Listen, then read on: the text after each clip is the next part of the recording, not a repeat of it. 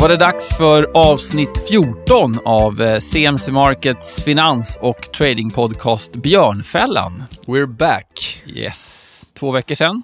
Nils Brobacke, Kristoffer Berggren. analytiker här på CMC Markets. Vad ska vi surra om idag, Kristoffer? Ja, vi ska prata om en fond som höll på att sänka hela finansmarknaden. Eh, vad som hände där, massa ursäkter som har kommit i efterhand till varför de gjorde allt rätt och ja, Mm. mm. Föreställ er att ni har legat och tradat DAXen, väldefinierad range, enkelt att plocka 10-20 punkter upp och ner.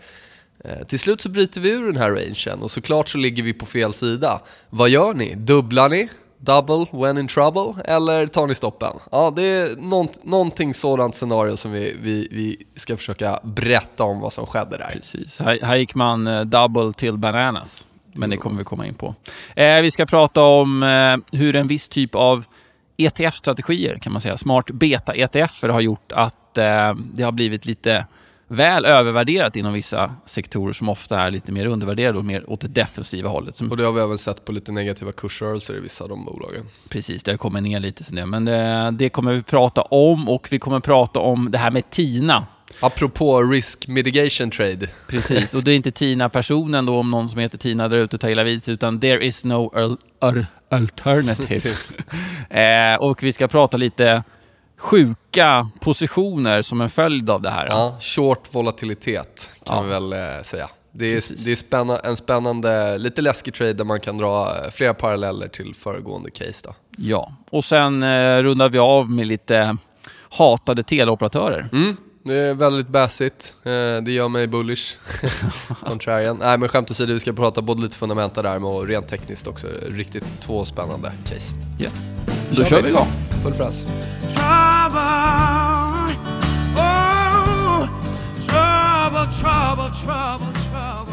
Då drar vi igång med första delen där vi ska prata om eh, hedgefonden som hette Long Term Capital Management som höll på att ställa till det ordentligt på den finansiella marknaden. Ironiskt namn där faktiskt. Ja, det blev inte så Long term. De höll i fyra år.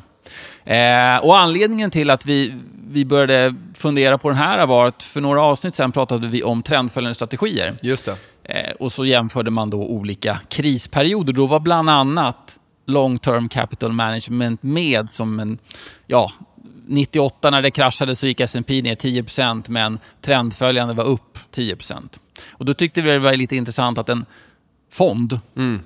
eh, är med i den typen av eh, jämförelse. Så då grävde vi vidare lite kring det.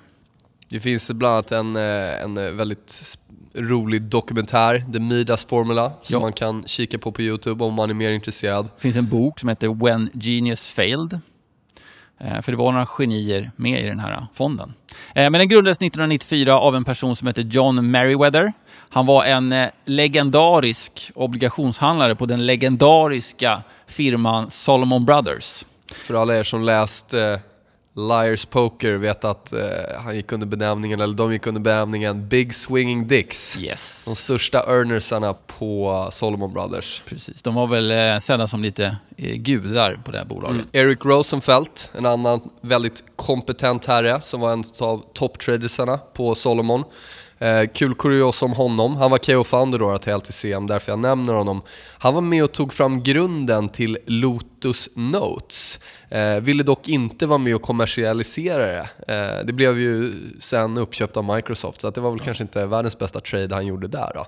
Eh, det blev ju senare Excel och så vidare. Ja. Sen var det två andra herrar med. Eh, de var inte så, jag tror inte de var så involverade i själva tradingen. De var väl lite mer av affischnamn kanske, men eh, det var ju Robert Merton och Myron Scholes. Två Nobelpristagare i ekonomi. De fick priset 97 och fonden grundades ju 94, så det var ju nog säkert en ganska bra push vad gäller eh, inflöde av kapital. Mm, Det var bra få- timing där 97 Ja, också. precis. Och de Och- ska vi säga vad de skapade, jag vet inte om du sa det, Black Scholes eh, Ja. model som är det mest vedertagna begreppet att värdera optioner. Precis. så han. Myron Scholes tog ju fram det med Fisher Black som jag tror avled och sen så hade de ett problem att lösa i den här formen och det hade då Robert Merton forskat kring. Så de var liksom separerade från början och sen så sammanstrålade de och det var därför båda fick eh, priset. Vad sysslade de med då? Ja, de LTCM. gjorde ganska mycket komplicerade saker, men man kan förenklat säga att de använde kvantitati- kvantitativa modeller för Mm. att hitta felprissättningar i relation till vad de då ansågs vara verkligt värde. Och så använder man då den här formen för att hela tiden jobba med så kallad dynamisk hedging, att vara helt riskneutrala. Mm, det är ett spännande ord, dynamisk hedging. Ja, det låter bra. Det var nog på många, många läppar eh, Ja. vid den tidpunkten. Eh, precis, och det, det fungerade ju väldigt bra i början. Eh, tittar man liksom på utvecklingen av fonden så, om man kollar på equity-kurvan, det var inte stora hack utan den tuggade på fint. Första året 20% år tre 40 eller förlåt, år två 40% och även då år tre 40 Så att Sen var- tror jag år fyra var 14 eller något sånt där. Så Ja. man, man får ju säga att modellerna levererade ju fantastisk avkastning i rätt marknadsklimat. Precis. Ja. Men sen så är det ju som så att eh, vissa antaganden som man gjorde visade sig bli väldigt skeva när det stökade till sig på marknaden. Mm, problemet med att basera en modell på historiska antaganden eh, och bli ganska snäv i sina antaganden det är att om någonting händer som inte har hänt tidigare då, då blir det ganska jobbigt. Precis. Och med en VAR-modell, risk som de använder, så tar man inte hänsyn till de här extrema scenarierna då. Det som hände här var väl framförallt till att börja med Asienkrisen. Eh, Thailand släppte sin PEG tror jag att det var och det var superstökigt i, i flera, flera av tigerekonomierna som de kallades. Eh, och sen så, det man ska säga om den här fonden också, vi kommer komma in på det, men man, man körde ju inte ett till ett belåning om man säger så, utan man dunkade på väldigt stora positioner vilket gjorde att man kunde, man kunde inte hantera den marknaden sig. Men den här John Merriweather sa en, när jag läste i boken så sa han, det fanns ett citat där som är extremt farligt men väldigt talande. Han sa, för de handlade mycket på spreadar, att de skulle komma tillbaka. Mycket mean reversion, saker återgå till det normala när det blir onormalt. Då sa han, spreads always come back. Mm. Legendariskt citat så här i efterhand. Ja, det är, Han man kanske kan ju förvisso- hacka på dem i efterhand Ja, såklart. han kanske förvisso har eh, rätt i den saken, Ja. men eh, tidsperioden och positionshanteringen var ju kanske inte helt eh, rätt agerat. Precis. Och problemet för de här var att det kom en annan ganska stor händelse som, som stökade till det ännu mer. Men om man tittar hur det såg ut i början av 98. Då hade man ett equity i fonden på 4,7 miljarder dollar. Det intressanta här var att man hade, ett, man hade derivatpositioner som var värderade till 1,25 biljoner dollar. Då roade jag mig med att titta på men vad var USAs BNP 1998 och den siffran jag fick fram då var runt ja, 9-10 biljoner dollar. Det Så låter ju rimligt att en hedgefond med det kapitalet, eller överhuvudtaget att någon eh, ja, ska ha den Ja, exponeringen. det är helt sjukt. En åttondel ungefär av eh, USAs ekonomi, totala BNP, var liksom fondens exponering. Och då är det ju som det så fint heter, en olycka kommer ju sällan ensam. Nej, och det är ju framförallt inte en olycka som brukar vara problemet som ni säkert har stött på någon gång i tradingen, utan det är ju när fel 2, fel 3 och fel 4 händer. Det är då Ja. det skiter sig, så att säga. Eh, och det som var med, med den här fonden är att Salomon Brothers, som många av eh, tradersarna kom ifrån, de körde liknande strategier. Men när det sen började gå åt fel håll eh, på marknaden, dels på grund av Asienkrisen men även på grund av Rysslands konkurs, så började man skicka ur positioner. De var inte lika stora som LTCM var. Så de började skicka ur positioner för att liksom täcka, vilket gjorde att strategin blev ännu mer fel. Så positionerna gick ännu mer åt fel håll. Och de bondhandlarna hade också möjligheten att sluta använda Black Scholes när den inte funkar och handla på prispsykologi. Eh, vilket i sådana volatila marknader är det som kanske funkar eh, bäst då. Precis. Och det hade ju inte LTCM Nej. utan de körde ju på kvantmodellen. och det väl kanske där också framförallt eh, eh, poängen att modellerna funkat bra under en tidsperiod men sen att man istället för att minska positionsstorlekarna, kontakta investerare och säga att vi har tagit en drawdown på 20%. Har man haft så bra avkastning i fyra år så tror jag att de flesta investerare klarar ett sånt samtal. Men eh, det man gör istället är att dubbla. Precis. Men man var ju så övertygad om... Det blir ju så, man blir ju blind. Man Ja. har tagit fram en eh, formel som har fått Nobelpris. Den ska alltid funka. Ja, nu är det lite skevt. Och den har funkat i fyra år. Ja, Ja. Med sjukt bra avkastning. Så nu dunkar vi på ännu mer. Eh, så att när då eh, Ryssland puttade i eh, augusti 1998 så de positionerna man hade var ju att man var kort liksom risky tillgångar och, eh, eller förlåt, man var kort eh, säkra tillgångar och long risky. Så då blev det ju... Och nu var det ju inte emerging markets-exponeringen i sig som, som förstörde för dem, för den var så pass liten. Utan det var ju de här andra safea risk mitigation tradesen som, som innebar att man skulle ja, eh, ta bort risken helt och så levra upp en väldigt låg avkastning med väldigt hög hävstång. Då. Precis. Det var ju de som, blev, som smällde ordentligt. Eh, Och kollar vi hur det såg ut i slutet av september, alltså nu pratar vi från augusti till september när, när Ryssland puttade, så var EK i fonden helt plötsligt nere på 400 miljoner dollar. Men man hade en exponering, man hade gjort av sig med, med positioner och så vidare, men exponeringen var 100 miljarder dollar. Så att du hade, ett- du hade en häv i fonden på typ 250 gånger. Mm. Och där er, Erik Rosenfeldt hävdar ju då att ja, men vi ökade aldrig leverage, det var bara eko som gick ner. Och därför så, ja fast det är ju, det är ju definitionen av. Precis. leverage. Så Så att, att eh, det är som man, Då kommer vi tillbaka till positionshanteringen där igen. vad kallar man det? Anti-martingale. Ja, exakt. Man, eh, ja. Trouble så double. Så det stökade ju till sig, men sen så um, hade ju fonden och även finansmarknaden hade väl tur i den bemärkelsen att det var extremt många bolag involverade i det här eftersom det var så stora positioner. Eh, så att Fed, eh, den Fed i New York eh, surrade med några investmentbanker, jag tror att de var runt 15 till antalet. Och så kom man fram till att nu måste vi göra någonting här för att om inte vi går in och safear upp så kommer de här positionerna behöva likvideras och då kommer det bli kaos. Counterparty risk pratar vi om Ja. här. Eh, och det är klart att är det en aktör som har så stor exponering, då kommer det drabba andra. Problematiken om Fed inte hade gått in och eh, ja, styrt upp det här om man ska säga så. Eh, jag tror Erik nämnde att navet dagen efter, alltså net asset value, kursen på fonden som är 100 givet att det inte har skett någon förändring då. Den skulle, den skulle alltså stått på, menade han på, kunde ha stått på minus 2 miljoner. Och då pratar vi alltså inte eh, dollar utan Nej, då pratar vi utan- alltså eh, värderingen av fonden som initialt skulle vara 100. Och det är ju just för att som du säger att om motparterna, när LTC margin callas, då måste motparterna, i det här fallet alla investmentbanker, börja sälja de här positionerna på marknaden. Och då är det fire sale, då är det till vilket pris som helst. Mellanskillnaden däremot, eh, notan för den, den skickas ju direkt till LTCM. Så om de hade köpt in eh, en obligation för 100 och den kanske var tvungen att säljas för 50 på marknaden eller 60 på marknaden. Och problemet är också då att det var ju inte bara det här var ju inga olevrade positioner utan det var ju gigantisk leverage. Så att det här skulle ju innebära totalt kaos. Eh, Men nu lyckades de ju lugna ner det där och eh, sälja ut det successivt men ja, det slutade med att fonden försvann ju. Mm. Det är intressant dock att eh, lite mer än 100 investerare så var det bara 12 som var eh, back i slutet. Och sex av dem var institutioner. Eh, de här stora investmentbankerna vi pratar om. Eh, snittet fick faktiskt 18% i avkastning under, under hela tidsperioden. Så att det är väl ingen fantastisk avkastning men det är ju absolut inte minus. Nej, men där får man ju tacka.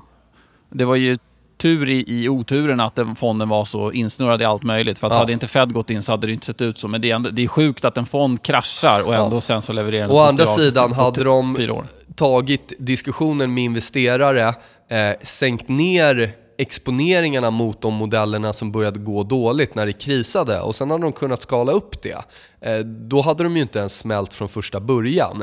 Eh, Eric Rosenfeldt, eh, det finns en, eh, ett, det här otroligt roliga YouTube-klippet på en och en halv timme.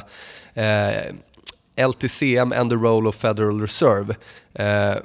Han nämner där också, som är ganska liknande vad den andra herren sa, att every single trade converged in the end. Han menar på att ja, men de hade rätt. Men det är ju ointressant om man inte träffar rätt på tidsperioden eller Nej, kan nej, ha nej, positionshanteringen rätt. Och problemet var då alltså inte modellerna utan det menar han på var diversifieringen och riskkontrollen och det håller jag verkligen med om. Ja, Diversif- ja. Riskkontrollen med 250 gångers häv Ja. i en fond. Ja, Ja. Tack. Eh, Så, så det var ju uppenbarligen ett problem. Sen kom vi över på det här med diversifieringen. Jag vet att jag nämnt det förut. Att diversifiera eh, på assetklasser, alltså på olika tillgångar, det funkar jättebra när saker och ting funkar som det ska. Men när det är stökigt, då korrelerar allt. Och det var det de märkte. Att deras diversifiering var icke-existerande när eh, det väl stökade till. Eh, och där skulle väl jag säga att enligt mig så det enda sättet att diversifiera när det är sån volatilitet, det är att diversifiera på tidshorisonter och inte på pristillgångar.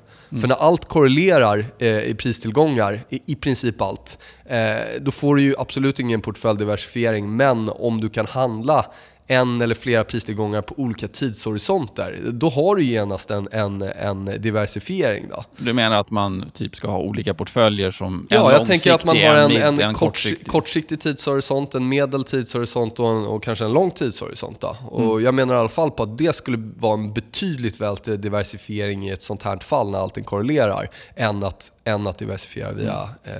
eh, olika tillgångar. Precis.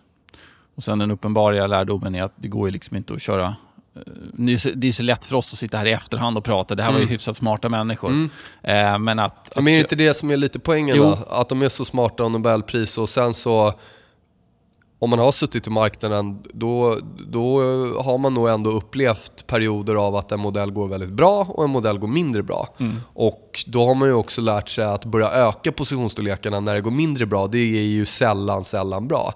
Hade de bara applicerat en enkel fixed fractional, att de hade eh, minskat positionsstorleken gentemot vad eh, totala eh, navet var hela tiden, då hade de ju inte suttit i det här. Nej problematiken. De var ju så övertygade om sin modell och det är ja. ju att man, man blir blind. Liksom. Man är övertygad om att strategin funkar och då kör man den i alla mm. väder. Och det har vi pratat om att man mm. ska tro på sin strategi, mm. men då måste den också ha utrymme att mm. leverera Alltså att röra sig i alla typer mm. av marknadsklimat. Tro på sin strategi men också uh, psyket att inse att det finns perioder som är sämre och då att man måste kunna sizea ner och ta mindre bets tills det funkar igen. Ja. Uh. Ja, nej, men den är intressant. Det är en bra bok. Men om man inte läsa så finns det ju bra dokumentärer på, på nätet. Ja, och då var det Midas Formula och även det här ja, roliga YouTube-klippet med Erik ja. Rosenfeldt som man kan googla.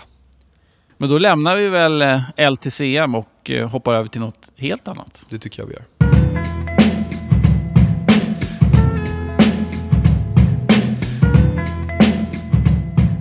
Då ska vi prata ETFer och hur ETF-marknaden har skapat en liten skevhet kan man säga när det gäller viss typ av bolag och viss typ av inriktning. Eh, ETFer, jag tycker det är faktiskt en bra produkt. Eh, inte de leverade kanske, men ETFer som, som tankesätt med inriktning på olika marknader, även index och att exponera sig mot en hel marknad istället för bolag. Mm, jag föredrar CFDR, men absolut. Ja, ja alright.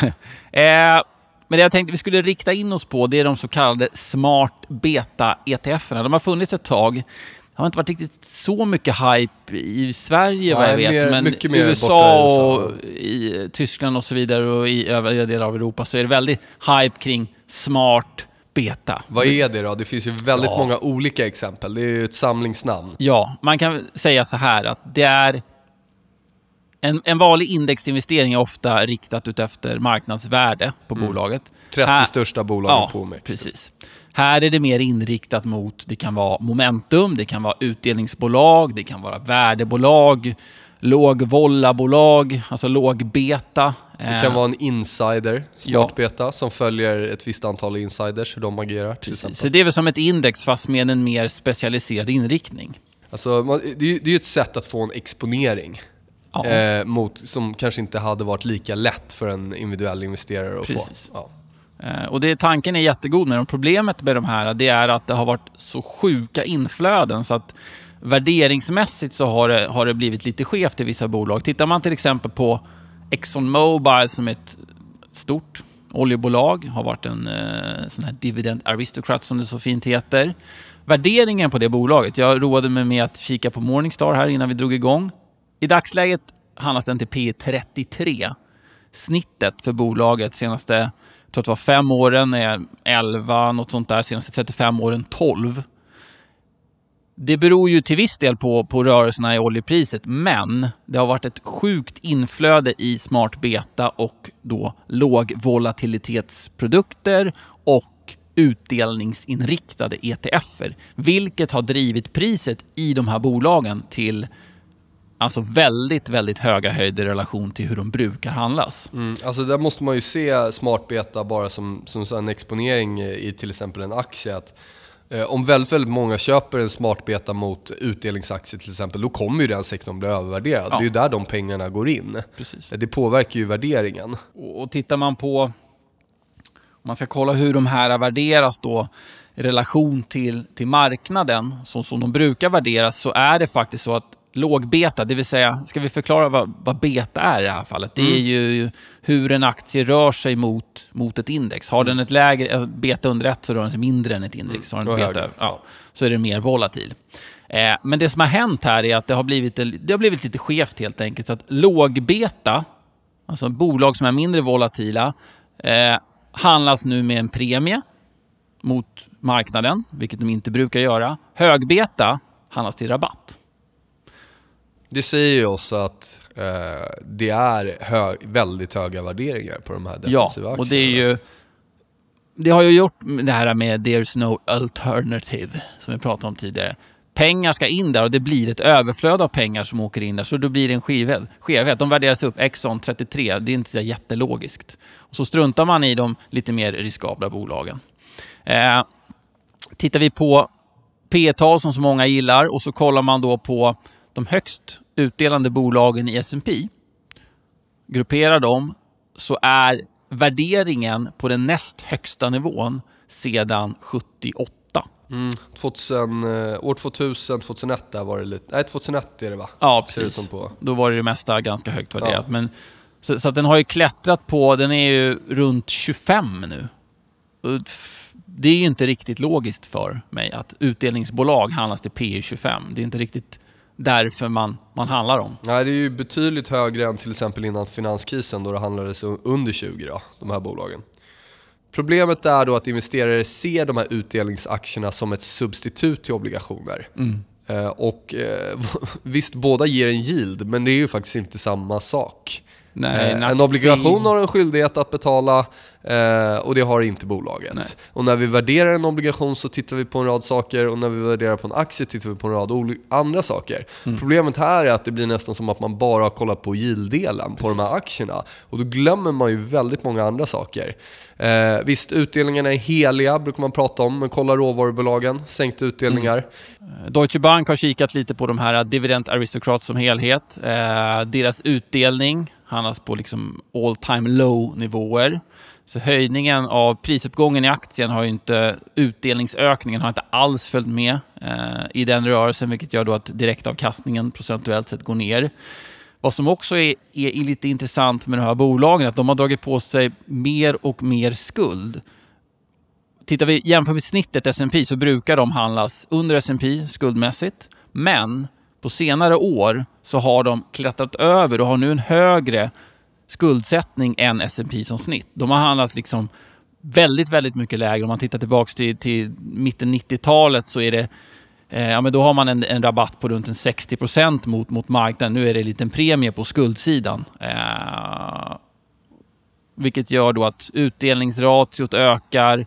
Så att en högre skuld med ett högre utdelningsratio, man delar ut mer i relation till vinst, det är ingen bra kombination. Ja, några praktiska exempel på, vi tog fram några aktier här där det verkligen varit, ser ut som man har eh, värderat aktien som en obligation och sen inser man väl eh, ganska snabbt efter att en aktie kan ju gå ner i pris också. Vi har till exempel Group eh, Eurotunnel eh, som är ett franskt bolag och eh, de värderades så sent som under 2015 till 14 med en yield på lite drygt 1,5. Nu handlas de idag till lite drygt 8 då. Eh, Det är ett ganska stort procentuellt tapp i något som ska anses som en säker utdelningsaktie då. Eh, och ska jämföras med en obligation. Eh, American Waterworks har egentligen trendat upp väldigt, väldigt länge. Små, eh, små, små drawdowns eller små sättningar i kursen. Eh, under 2016 så var den som högst noterad till 85 och nu har den faktiskt tappat ända ner till 70. Också ett yield case. Vi har flera konkreta exempel på där det ser ut i alla fall på grafen som att värderingen eh, har varit eh, som en obligation fast det är en aktie. Då. Även eh, Nestle 3% yield och har tappat bara här under 2016 har den tappat från 80 till eh, 72. Då. Och det man ska tänka på, eftersom det varit sådana extrema inflöden när det ska sen allokeras om, för här tar man inte bolagsbett utan det är mer sektorbett. Ja, men då kommer de här bolagen åka på eh, påsmällda, då finns det liksom inte den här, eh, det här säkerhetsnätet på, på nedsidan kvar. Eh, ska jag bara nämna en, en, en sista grej här som är lite intressant. Kollar man på till exempel PEG-talet, alltså ett bolag, hur det värderas i relation till vinsttillväxten, hur det värderas i relation till vilken avkastning man ger på egna kapitalet, hur lönsamt bolaget är.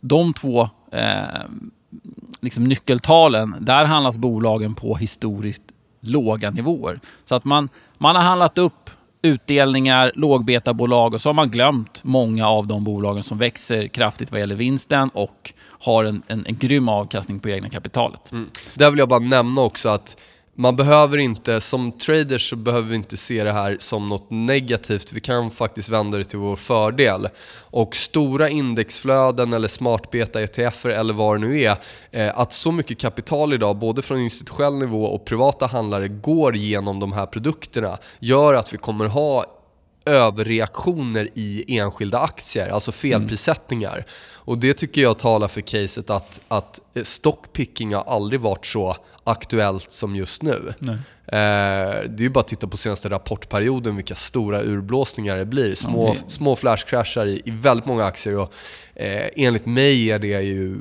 väldigt bra eh, lägen att just när volatiliteten verkar ut vilka nivåer och man kan ofta komma in, beroende på om man har ett eh, short case eller long case, då kan man komma in på, på, på fina nivåer. Mm. Nobody quite like Tina. Tar vi nästa ämne, mm. då ska vi prata om den här Tina igen. Och I det här fallet har Tina gått helt bananas mm. vad det gäller eh, jakt på, på avkastning kan man I säga. I alla fall om vi tittar på eh, short volatilitetscaset. Vad är, vad är det här för case? Vad är det folk jo, tänker? Alltså det, det jag läste var att Alltså den här strategin har använts ganska länge, eh, som vi kommer att prata om. Men det jag läste var att det var pensionsfonder i USA som kör den här strategin för att ja, det finns inget alternativ. Eh, och ni kommer förstå när vi börjar prata om den snart att det känns väldigt skevt att en pensionsfond börjar, börjar späcka i eh, eh, låg volatilitet. Så det man gör, eller det som har gjorts är att man... Vi kan väl nämna först vad, vad, hur man mäter volatiliteten. Ofta ja. tittar man på VIX. VIX-index. Ja, volatilitetsindex, man kan tänka att det mäter eh, investerares vilja att skydda sig mot en prisnedgång i S&P. Man försöker värdesätta optionerna, jag tror att det är 30 dagar fram i tiden. Högt värde på VIX brukar innebära orolig marknad. Lågt mm. värde, lite mindre orolig marknad helt enkelt. Eh, och då ska så bara vi klara, man tradar alltså underliggande volatilitet. Ja. Man tradar volatilitet, ja. så per definition är det en extremt riskfylld trade. Precis, precis. Eh, och VIX är ju inte Ja, den går ju att handla termin på, men, men rena VIX går ju inte att, att handla på det sättet. Så det, det, som, det som handlas, det är ETFer på VIX, eller ETNer på VIX. Och då är man alltså inte lång, man satsar in, alltså inte på att uh, oroligheterna ska gå upp, utan tvärtom, eller Precis. Hur? Den, den, det finns en ETF som heter VXX, eh, som då bygger på ja, men volatiliteten. Eh, den är lång. Alltså som produkt så köper man den så tror man på stigande volatilitet.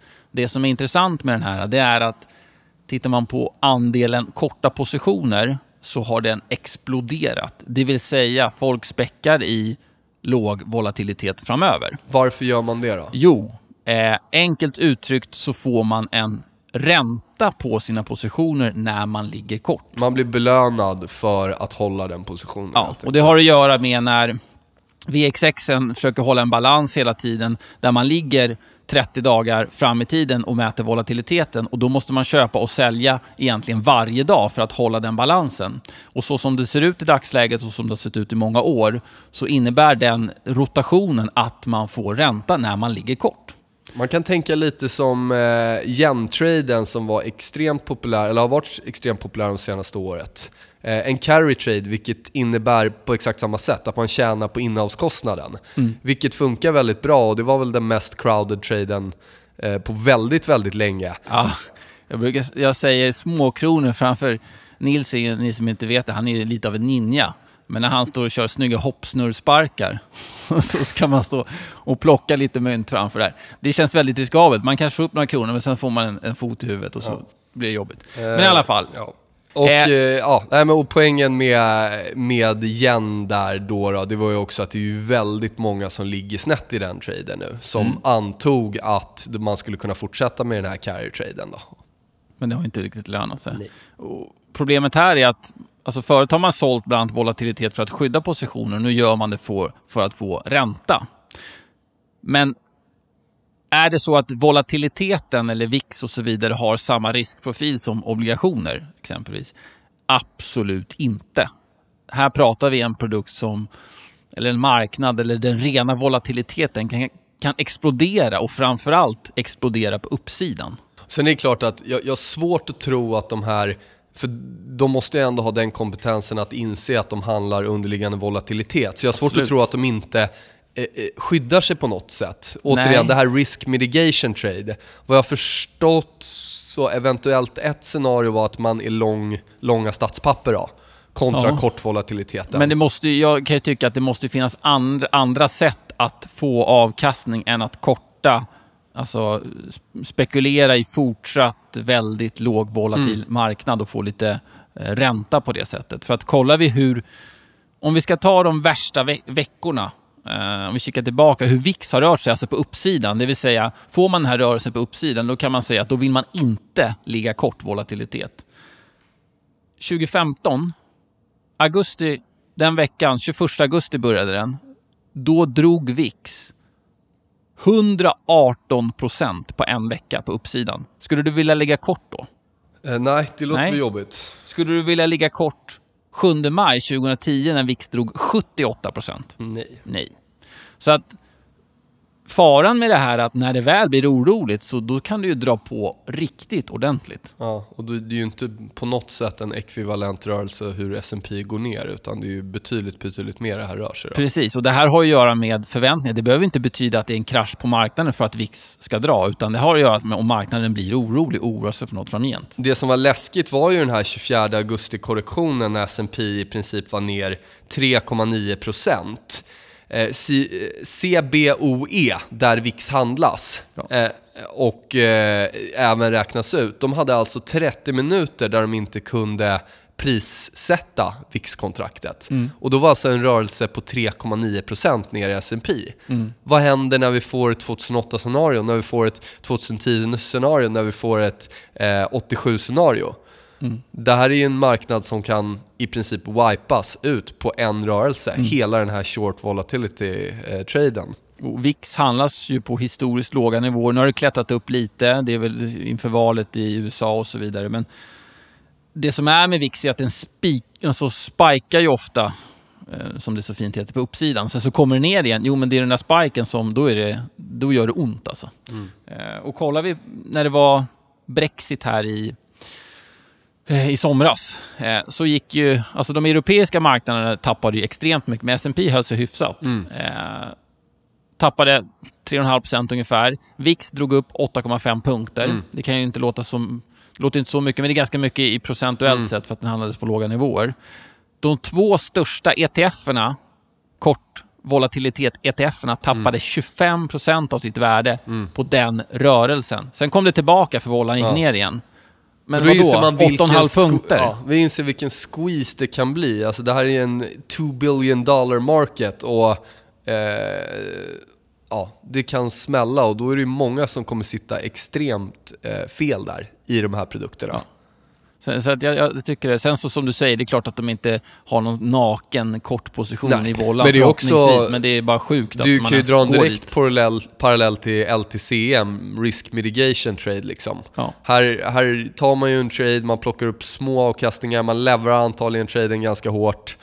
Och man brukar prata om att warehousea risk, både i LTCM-fallet och i det här fallet. Det vill säga, jag gör något väldigt många gånger, får en liten avkastning, men standardavvikelsen i min kurva, alltså pro- profit and loss-kurvan, den återspeglar inte den ris- Nej. riktiga risken i strategin. Jag sparar upp, jag lägger risk, eh, ja, jag samlar risk i en ryggsäck och sen till slut så exploderar den där ryggsäcken i något jag aldrig har sett förut. Och jag tycker det är en direkt parallell eh, till till exempel LTCM-caset som de håller på med.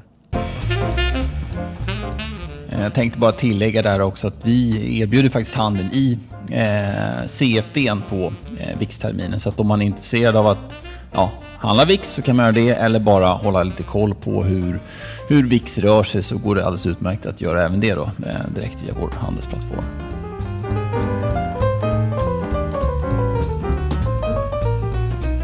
Var det dags för eh, teleoperatörerna. Mm, nedsnackad sektor. Ja, Telia ner 12% i år, tror jag eh, att de är. Och pratats om eh, alltså framtida problem, eh, kostnadspress, dålig tillväxt. För hela sektorn egentligen. Ja, och så de flesta är ju i dagsläget ganska bäsade, Telia. Men eh, du är Mr Contrarian. Ja, alltså eh, redan tidigt i år så var det ju många som var bullish Telia och eh, framförallt 2015. Eh, nu tycker jag att prissättningen, om vi börjar rent tekniskt, det är det jag utgår ifrån, så tycker jag det börjar se väldigt spännande ut. Eh, men om vi pratar generellt sett om hela telekomsektorn, så, eh, eller teleoperatörerna så måste säga att ta, man kan ta Finland som ett exempel. Eh, caset att man kan ta mindre betalt eh, för sina tjänster, till exempel data, absolut, det är klart det skulle påverka intjäning, men om vi tittar generellt sett så eh, kommer ju den här marknaden att börja li- likna mer ett oligopol. Vi kommer ha några stora aktörer eh, som äger marknaden. Eh, om vi tittar idag på till exempel Finland så är det ju de aktörerna som erbjuder bäst produkt som är högst värderad. Eh, det ger ju också att det är en mogen marknad, ett bra utdelningscase på sikt. Det man har varit lite orolig för Telia är väl just, eftersom det är en liten utdelningsbaby, kan de hålla den? Eh, givet att de, de tappar lite i tillväxt och så vidare. Så det är väl det som har varit ett stor oro. Sen har de väl lite stämningar Ja, och... men kollar vi på just stämningarna som du säger, det är de här Eurasia- Eurasia-problemen. eh, SEC är på dem. Eh, vad jag förstår så är det snart eh, bakom dem. Det är passerat. Eh, vi, vänder bla- vi vänder blad helt enkelt. Och då blir de ju en renodlad eh, nordisk spelare så att säga. Eh, bolag med väldigt starkt kassaflöde, underliggande trend håller på att vända. Eh, jag gillar som sagt TA, kommer nämna det snart. Eh, det är fortfarande lite, fortfarande lite problem med stora företag, eh, men det borde bo- bottna inom några kvartal.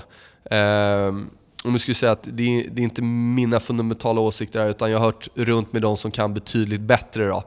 Eh, Telia-specialister. Ja. Eh, jobbar med kostnadsbesparingsprogram, eh, men dessa får gärna öka. Eh, mycket dolda värden i telemastarna, eh, sägs det. Eh, och det här ger ju allt att det är en väldigt bra bondliknande investering som vi nämnde. Håller på att bli en bra TINA-exponering. Eh, risken är väl att de vaskar det här fina kassaflödet med dumma exponeringar. Det har vi ju sagt. Investeringar i bland annat Spotify, hörlurar etc. Då. Eh, Vaska, det väl ett litet... Ja, nej, jag vet Finans, inte. eh, Stockholmsuttrycken. Ja. Eh, största risken är om du köper TDC, eh, men det lät inte allt för troligt då. Möjligtvis att du köper GET från TDC, det skulle annars vara en logisk affär. Eh, ja, vi kan kolla rent tekniskt sen, men fundamentalt menar man på att den har en uppsida på lite drygt 30-40% till 2018. All right. Ja, det skulle det bli 30-40% till 2018. Det låter ju rätt bra om man... Nu vet jag inte vad ja, direktavkastningen ligger, där runt 7% eller Ja, sånt den där. är bra. 600 Den är bra. 6-7%. Ja. Eh, Så det vore ju fantastiskt. Kan du ge mig den garantin? Det kan jag inte göra, jag sysslar inte med garantier. Däremot om vi ska kolla eh, rent tekniskt sett då, så ser det faktiskt extremt spännande ut. Jag är inne i månadsgrafen och kollar. Eh, kan vi försvara området, det handlas just nu kring 35 lite drygt då. Eh, men kan vi, försvara det här området mellan 35-37 och bryta den första nedåtgående trendlinjen som påbörjades 2015 kring lite drygt 55. Eh, börja bygga en bas där, eh, då ser det riktigt intressant ut. Vad var nästa? Det är ju eh, Tele2 va? Just det, Tele2, en annan superbäsad Ja. aktör i den här marknaden. Ner och- 8% ungefär i Ja, år. den vanliga kritiken är ju att man är en prispressare. Man, ja, det är så man gör business då helt enkelt, pressa priser. Eh, det som jag fick höra var positivt på den fundamentala biten, eh, de håller på att renodlas till en nordisk-baltisk operatör, Endas. Eh, har som mål att sänka kostnaderna och betala ut pengar till aktieägare. Bra 4G-nät, lägsta kostnadsbasen, så kommer vi troligtvis inte tappa så mycket marknadsandelar. Och de har dessutom börjat konkurrera med fast bredband, vilket skulle kunna fortsätta driva eh, ebitda-tillväxten. Holland Mobile är det många som har antingen satt en värdering på lite drygt 1,6 miljarder eller till och med noll. Eh, men det värdet bör snarare vara lite drygt mellan 4 och 6 miljarder. Eh, eh, och det är troligtvis sålt på två års sikt då, så där borde det finnas en del All right. dolda Ja, värden. dolda värden på, s- om vi nu ska räkna högt, högt, högt i Ja. spannet, 6 miljarder. Det känns ju positivt. Det är lite pengar. Ja. Du får, ja, får väl dra av den där 1,6 då kanske, men mot noll är det ju 6. Eh, potentiell uppsida 40-50% rent fundamentalt fram till 2019, så det, det är ett tag. Eh, båda bolagen skulle även kunna börja få lite multipel expansion då eh, och skulle klara av en högre skuldsättning. Eh, sen är det möjligt att tre skulle kunna gå in och köpa eh, Ja, Tele2 på lite Precis. sikt. Telia är väl lite större kanske. Lite större stek att plocka upp. Ja, nej men absolut. Multipel expansion. Om det blir lite mer positivt kring bolagen, framförallt Telia, så är det klart att den kommer ju handlas upp på det. Mm. Eh, TA-mässigt Tele2 då. Eh, gillar den också, ska jag säga. Viktig nivå för mig på nedsidan är lite drygt 70 kronor. Vi handlas till 73 i dagsläget. Jag skulle vilja se att vi håller ihop 70 eh, kronor och det kan väl vara ner och spika lite under också men eh, tittar vi på bottenarna från 2008 så var det nere på lite drygt 60 kronor då. Håller vi 70, potentiell uppsida till lite drygt 90. Skulle vi tekniskt sett eh, bryta igenom här 70 på nedsidan, men då ter sig nog snarare ett test av 60 troligt, alltså 2008 bottnarna då. Så det är väl det jag sitter och kikar på. Ska vi lägga till någon form av disclaimer att det där inte var några köp eller Vi sysslar säljrekommendationer? aldrig med köp eller säljråd utan vi ger enbart allmän information om marknaden som eh, ja, eh, ska inte ses som köp eller säljråd helt enkelt. Mycket Vill ni ha eh, ja, en längre förklaring och analys så kan ni alltid höra av er till oss så kan vi prata lite. Jo. Det var väl inget mer eller? Nej, jag tycker vi bakade in en del där. Ja, många olika eh, inriktningar. Jag kommer att Ja. hålla koll på volatiliteten i VIX kan jag säga. Ja, det är ju faktiskt spännande. Sen ska vi inte glömma att det, det finns år då allting ser ut som ska gå åt helvete och sen blir det Ja, ja. 99 och spikar och trycker ur Och alla. nu har ju Trump gått om, sägs det. Jag vet inte om de vill sälja tidningar eller klick på annonssidan, men eh, gått om Hillary. Nej, jag tyckte att det såg tvärtom ut i morse när jag kollade. Det Alltså, känns som att det är värre. igår var det han ja, ju- och nu såg jag något som var 70-30. Ja, så inte Så det blir spännande. Sjut... Ja, ja. Ja, jag vet inte, jag, jag, jag kan tänka mig vecka. att det är ungefär samma relevans som eh, Brexit-undersökningarna. Eh, så att, eh, och det som vi generellt sett sa där, det är väl ofta att, eh, att ligga på den sidan som är mest oväntad. Det ger i alla fall best risk return. Sen kanske man ska vänta på eh, att saker och ting kommer in och se hur volatiliteten spelar ut. Då. Det man inte vet, det är att man vet inte vad som händer i framtiden. Nej, och det är ju lite LTCN-parallellen att eh, den risken finns ju på nedsidan men den finns ju lika hårt på uppsidan också. Att något Absolut. väldigt, väldigt oväntat händer. Då, så att. Ja, jag skulle inte späcka i Keep an open mind. Sen kan vi fundera lite på saker som ska hända framgent men det är ändå priset som visar vägen för oss. Precis. Ja, Ska vi avsluta så? det tycker jag. Har ni några frågor eller funderingar? Ja. Eh, hashtag björnfällan på Twitter. Alternativt skicka ett mejl till kundservice.cmcmarkets.se. Vi kommer ut varannan fredag och finns tillgängliga på Soundcloud och iTunes. Bra! Nils Brobacke tackar för mig. Kristoffer Berggren tackar också för tack, sig. Tack, tack. Ha det bra. Hej då. Trade on.